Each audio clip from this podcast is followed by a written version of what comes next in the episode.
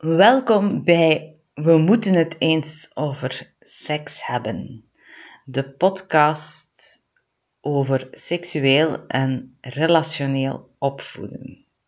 Voor ouders, opvoeders, grootouders en iedereen die met de volgende generatie aan de slag gaat. Ik ben Leen van Geebergen, Sexual Growth Inspirator en ook deze podcast wil jou inspireren tot bewustere keuzes in jouw seksualiteit en die van je kinderen. Welkom!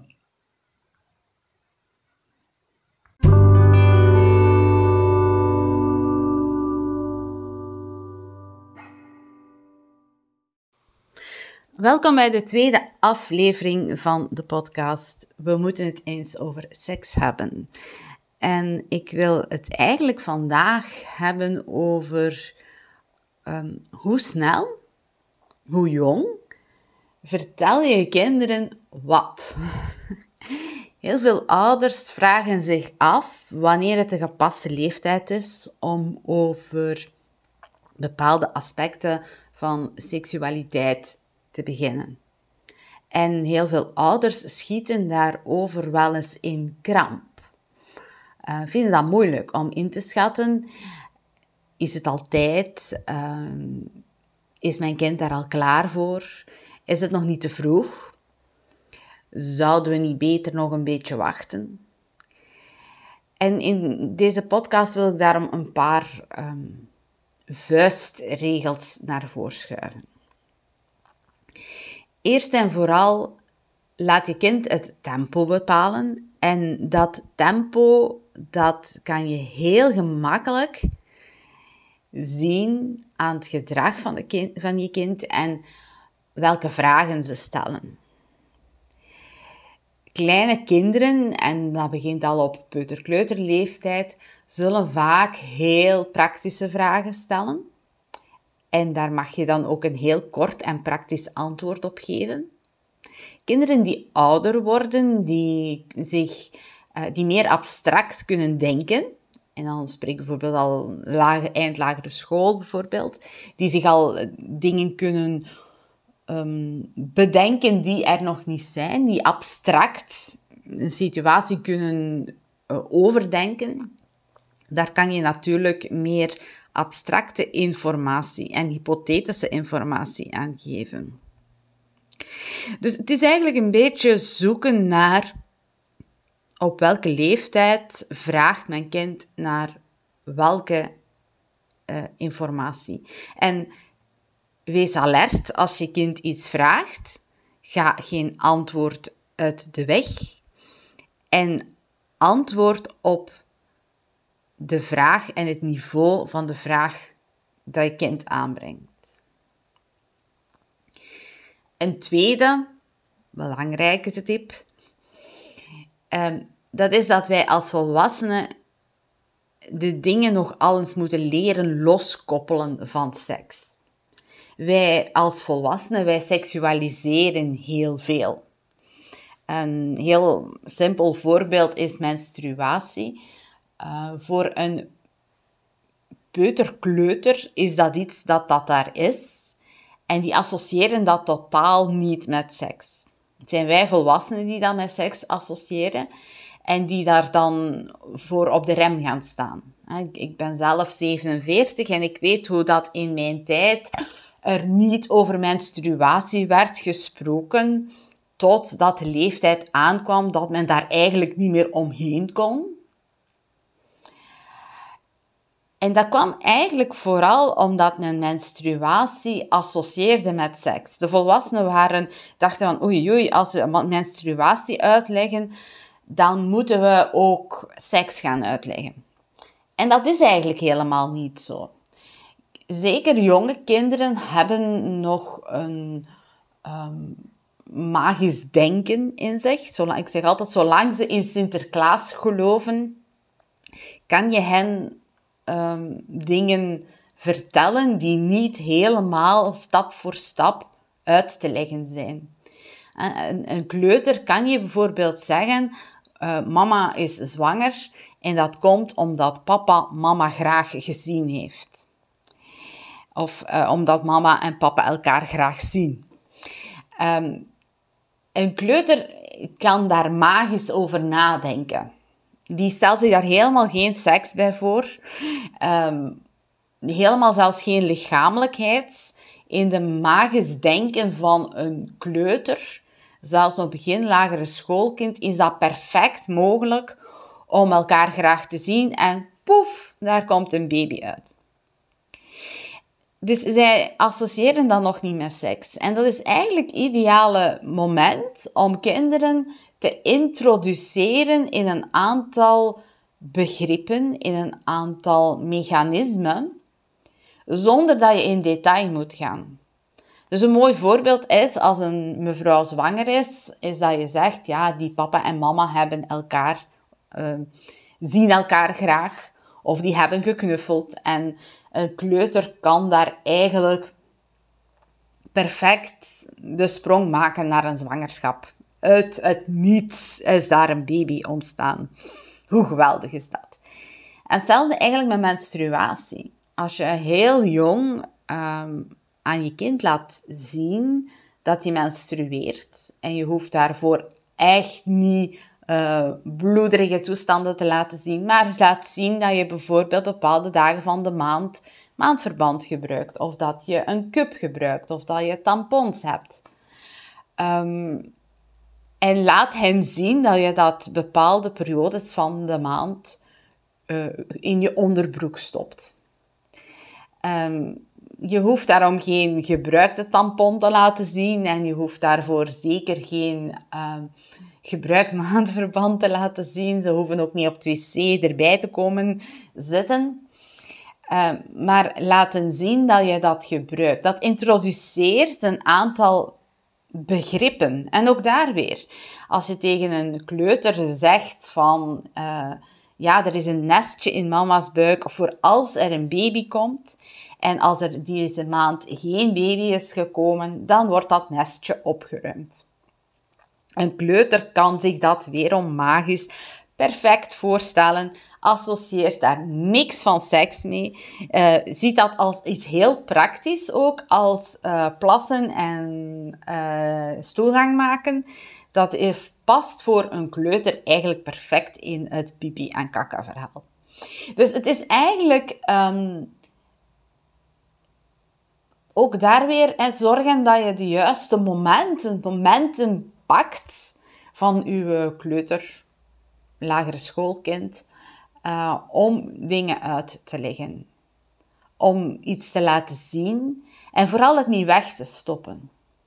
Want dat is eigenlijk een beetje het, het, risico. Dat is als je bijvoorbeeld maandverband en, en, en dat soort eh, utiliteiten, als je dat wegstopt, en jouw kleuter ziet dat nooit en je komt daar opeens als die 10, 11 jaar is mee aanwaaien, dan is dat iets nieuws. En, en wat komt dat hier doen? Tegen als je dat heel jong al introduceert als iets wat heel normaal is, dat dat zich in huis bevindt, net zoals oorstokjes en pleisters en alle andere uh, toestanden, dan gaan eigenlijk uh, kinderen veel gemakkelijker op het moment dat het moment daar is van menstruatie, daar eigenlijk um, ja, aanvaarden dat dat er is. Dat geeft ook aan de jongens, niet alleen aan de meisjes, maar ook aan de jongens, toch wel het, ja, het beeld van, kijk, vrouwen hebben iets één keer per maand. Ze zijn een beetje chagrijnig, ze voelen zich een beetje moe dat wanneer ze dat al gezien hebben met hun moeder, geeft dat later veel meer begrip bij hun eigen partner. Jongens die dat nooit gezien hebben bij hun moeder, gaan later, um, wanneer ze zelf een partner hebben, zeggen: Mijn moeder heeft dat nooit getoond. Waar komt jij nu mee af? Bij mijn moeder ging dat, hè? Net zoals moeder Peter balkjes in tomatensaus kan maken. Uh, moeder was perfect en die had dat eigenlijk allemaal niet nodig. Of die liet dat allemaal niet zien. Dus het is eigenlijk weer, zoals ik zei, een beetje het momentum pakken dat kinderen eigenlijk nog helemaal niet met seks bezig zijn. Om hen toch al een aantal aspecten van het voortplanting van het lichaam uh, mee laten kennis te maken. En een derde tip, en dat is misschien toch wel ehm, een belangrijke, praat aan tafel waar je kinderen bij zijn over relaties, over seks, over gender, over uh, allerlei toestanden die te maken hebben met seksualiteit.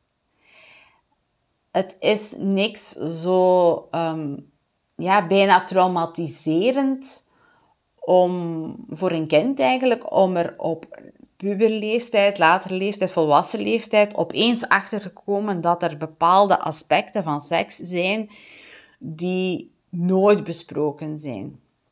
Of waar dat er nooit een, eh, iets over gezegd is.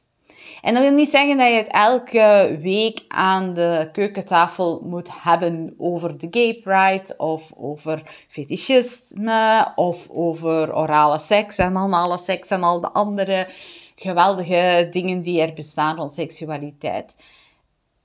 Eigenlijk gaat het erom dat je seksuele informatie, dat je die aanhaalt op momenten alsof dat, dat je het eigenlijk hebt over een boterham smeren.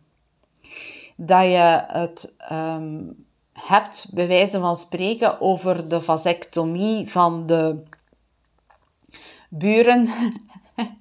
uh, alsof dat de normaalste zaak van de wereld is. Ik, ik denk dat we heel vaak op de rem staan um, over wat dat we vertellen in het bijzijn van kinderen. Eén, omdat we denken dat ze dat niet kunnen begrijpen. Twee, omdat we denken dat ze dat op een ongepast moment gaan reproduceren. En dat is eigenlijk niet zo. Het is heel vaak zo dat als kinderen iets reproduceren op een ongepaste manier, dat dat heel vaak is omdat ze het niet begrijpen omdat ze dingen die uit een context gehaald zijn, gehoord hebben, zonder verdere uitleg, zonder verdere omkadering, en die dan eigenlijk gaan reproduceren op een ongepaste manier. Maar het is heel vaak de woordenschat die kinderen daar gebruiken en het respect dat kinderen hebben op het moment dat ze dingen uitspreken, hebben ze heel vaak in eerste instantie eerste instantie thuis opgepikt of op school opgepikt. Dus het is eigenlijk een beetje een collectieve verantwoordelijkheid als ouder, zo van het op een respectvolle manier te hebben over seks en alles wat met seks komt kijken in het bijzijn van je kind. En um, dat is iets waar dat we soms ook wel een beetje moeite mee hebben. We hebben heel vaak zelf als ouder, dat is een opdrachtje waarschijnlijk voor heel veel ouders. Um, als ouder hebben we heel vaak onze eigen woordenschat wanneer het rond seks gaat. En dat is niet altijd de woordenschat die correct is om door te geven naar um, kinderen toe. Om het heel eenvoudig te zeggen, ik, uh, wij noemen de vulva van ons dochter is een spleet. Um, en de penis van onze zoon is een piswiet. Omdat we daar als kind zo mee begonnen zijn. Dat is natuurlijk, um, hoe zal ik zeggen, uh, niet de anatomisch correcte term die nodig is. Maar er zijn nog een hele hoop, hoop andere uh, termen die we ook zouden kunnen gebruiken, die een stuk minder um, respectvol klinken. En dan ga je natuurlijk die woordenschat bij een kind introduceren en is de kans groot dat dat kind die, die woordenschat reproduceert. Dus ga eens kijken welke terminologie jij gebruikt. Het hoeft niet per se penis en vagina te zijn als je het over de geslachtsorganen hebt. Um, dat is de anatomische term. Je zegt ook niet colon tegen je dikke darm. Uh, en je zegt ook niet uh, uh, verte cerebralis. tegen andere, tegen uw, ruggenmerg.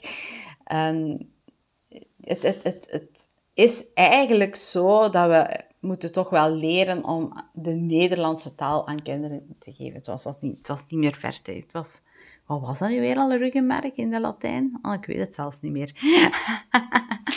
maar het is de, de Latijnse naam van onze anatomische um, lichaam, dat hoeft een kind niet van buiten te kennen. Maar de gewone dagdagelijkse Nederlandse naam, die wij bezigen op een respectvolle manier. Dus het is eigenlijk een opdracht voor ouders. Als je bang bent om het over seks te hebben, uh, met uh, wat dan ook, dan uh, kijk dan eerst en vooral eens naar ja, hoe heb ik het over seks en waar houdt, wat vertel ik en wat houdt mijn rem. Dus uh, leeftijdsadequaat, desexualiseren, niet alles wat je vertelt wordt door een kind geassocieerd met seks. Dat is iets wat wij als volwassenen doen. En ja, kijk eens naar jouw um, taal, naar jouw manier waarop je over seks praat in bijzijn van je kinderen.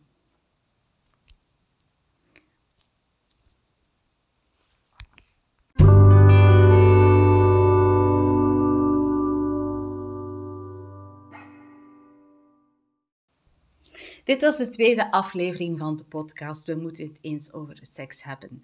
Met Leen van Gebergen, Sexual Growth Inspirator. Ik wil je graag inspireren tot bewustere keuzes in je relaties en seksualiteit. Wil je meer weten over mij? Kijk dan op leenvangebergen.be. Wil je mijn uh, boeken leren kennen? Kijk dan op www.vrijaf.be en www.relatiestatusgeslaagd.be.